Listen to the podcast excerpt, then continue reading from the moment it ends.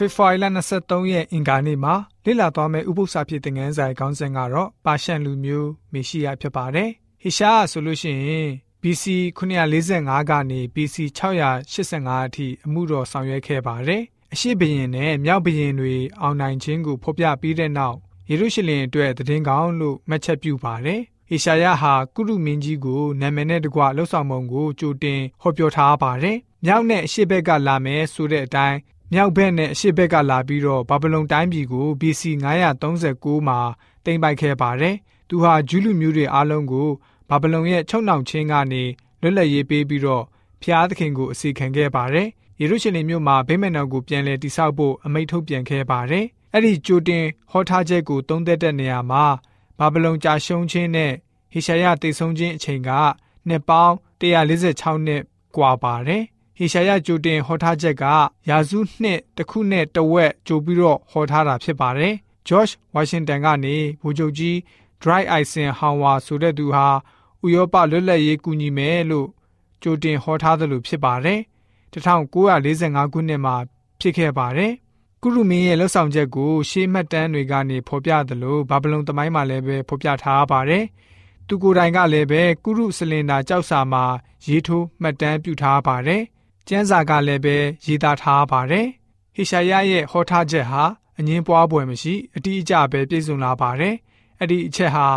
ဖျားရှင်ရဲ့ပြောဖက်ကိုယုံကြည်တဲ့ဖျားရှင်ရဲ့လူတွေအတွက်ဖျားရှင်ဟာတိကျတဲ့ကြိုတင်ဟောထားချက်ကိုပေးထားတဲ့အကြောင်းအတည်ပြုစေပါတယ်။ရှေ့လာမယ့်အနာဂတ်ကိုဘသူသာလင်သိနိုင်တယ်လဲဖျားရှင်သာလင်သိနိုင်တာပဲဖြစ်ပါတယ်ကုရုမင်းကိုဖျားရှင်ကနေသူ့ရဲ့ဗိသိက်ခံသူလို့ဘာကြောင့်ခေါ်ရတာလဲ ဟေဘဲလူမျိုးတွေရဲ့ဝေါဟာရမှာဗိသိက်ခံတဲ့သူလို့အဓိပ္ပာယ်ရတဲ့စကားကို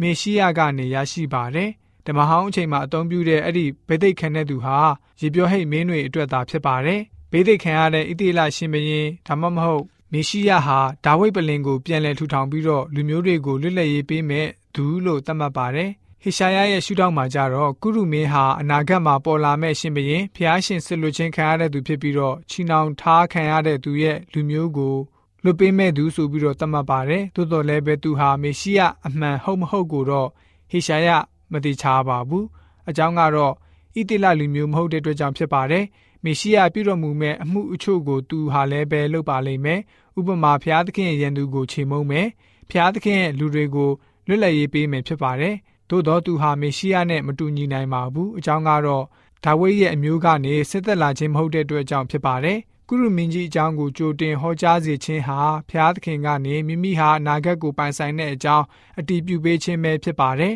ဖျားရှင်ဟာကုရုမင်းကိုလည်းမောင်မိုက်မှာရှိတဲ့ဗန္နာလုံခြုံစွာဝှက်ထားသောဥစ္စာတွေကိုတင့်အားငါပေးမယ်ပြီးတော့ ငါဟာတင့်ကိုနာမည်နဲ့ခေါ်တဲ့ဣသေလအမျိုးရဲ့ဖျားသခင်ထာတော်ဖျားဖြစ်တော်မူကြောင်းကိုသင်သိရလိမ့်မယ်ဆိုပြီးတော့ပြောခဲ့တာလည်းတွေ့ရပါတယ်။ဣရှာအနာဂတိကျမ်းခန်းကြီး45ငွေ3မှာတွေ့နိုင်ပါတယ်။တမန်ကျမ်းစာထဲမှာဆိုလို့ရှိရင်အခြားပြောဖက်ပြုစကားတွေပြည့်စုံလာတာကိုလည်းပဲကျွန်တော်တို့တွေ့နိုင်ပါတယ်။ဒန်လအနာဂတိကျမ်းခန်းကြီး2ပြီးတော့ဒန်လအနာဂတိကျမ်းခန်းကြီး9အဲ့ဒီမှာပြောကြားထားတဲ့တိုင်းနိုင်ငံတွေအကြောင်းပြည့်စုံခဲ့တာကိုလည်းတွေ့ရပါတယ်။အဲ့ဒီအနာဂတ်စကားတွေဟာကျွန်တော်တို့ကိုစီကိုငါအတွက်ဘယ်လိုမျိုးသောမျှော်လင့်ချက်ကို ရရှိစေသလဲဒီနာဂတိစကားတွေကိုပြန်လည်ပြီးတော့သုံးသပ်ကြည့်လိုက်တဲ့အခါမှာဘုရားရှင်ဆိုလို့ရှိရင်သူ့ကိုယုံကြည်ကိုးကွယ်တဲ့သူတွေအတွက်ကယ်တင်ခြင်းစီမံကိန်းကိုပြင်ဆင်ပေးထားတဲ့ဆိုတာကိုတွေ့ရှိရပါတယ်ဒီလိုကြောင့်ကျွန်တော်တို့ယုံကြည်သူများအနေနဲ့မိမိတို့ရဲ့ဘဝတက်တာမှာဘုရားရှင်ဖော်ပြပေးတဲ့ပြောဖက်ပြုစကားတွေကိုဆိုလို့ရှိရင်ဖတ်ရှုလေ့လာပြီးတော့မျော်လင့်ခြင်းနဲ့အသက်ရှင်တဲ့ယုံကြည်သူတွေဖြစ်စေဖို့အတွက်အင်္ဂါနဲ့ဥပုသ္စာဖြစ်တဲ့ငန်းစာကဖော်ပြထားပါတယ်